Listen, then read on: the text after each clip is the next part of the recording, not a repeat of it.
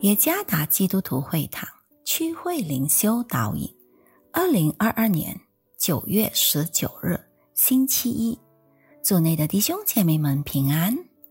今天的灵修导引，我们将会借着圣经路加福音十五章第一到第七节来思想今天的主题：因悔改而欢喜。作者彭卫国牧师。路加福音十五章第一节，众税吏和罪人都挨近耶稣，要听他讲道。法利赛人和文士私下议论说：“这个人接待罪人，又同他们吃饭。”耶稣就用比喻说：“你们中间虽有一百只羊，失去一只，不把那九十九只撇在旷野。”去找那失去的羊，直到找着呢。找着了，就欢欢喜喜的扛在肩上，回到家里，就请朋友邻舍来，对他们说：“我失去的羊已经找着了，你们和我一同欢喜吧。”我告诉你们，一个罪人悔改，在天上也要这样为他欢喜。较比为九十九个不用悔改的艺人欢喜更大。前一阵子，印度尼西亚在西努沙登加拉省 （NTB） 举办了曼达利卡摩托车锦标赛，并在耶加达北区安祖安卓举办了一电动方程式赛车。总统。佐科威都出席了，社区委员会以及赛车手当然非常热情，也充满欢喜。尤其是冠军们将会感到极其兴奋、自豪，因为他们的名字被列为优胜者，获得奖杯和许多奖品。他们充满了情感，沾沾自喜。以及兴致勃勃，他们对此感觉的体验能有多深，以及能维持多长时间呢？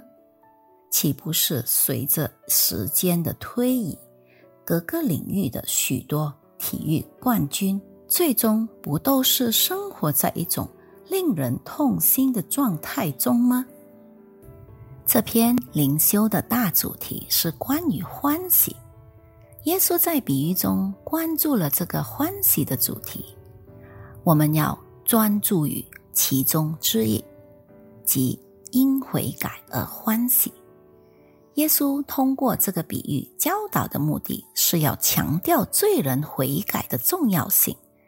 故事的背景是有被法利赛人和文士鄙视的税吏。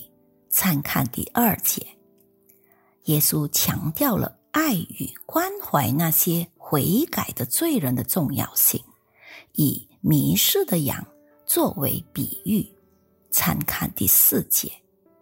罪人的悔改将会产生巨大的影响，会给主人带来欢喜，而此欢喜是大范围的，即天上的欢喜。如果一个罪人悔改，在天上。将有极其大的欢喜，更何况因多人的悔改，参看第七节。因此，欢喜与罪人的悔改和在他生命中认识耶稣基督之间是有着密切的关系。我们这些参与宣教工作的，无论是作为撒种的，还是作为收割的。必定会因我们所带领的罪人悔改而感到欢喜，所以让我们以乐观和最佳的态度，充满欢喜的执行宣教工作。我们所付出的代价，将会与我们目睹罪人悔改，犹如重新找回迷失的羊时所获得的欢喜相称。天上有一种深深而极其大的欢喜，这种情况必定蒙悦纳，并荣耀我们在天上的父。因悔改而欢喜的影响巨大与深刻。愿上帝赐福于大家。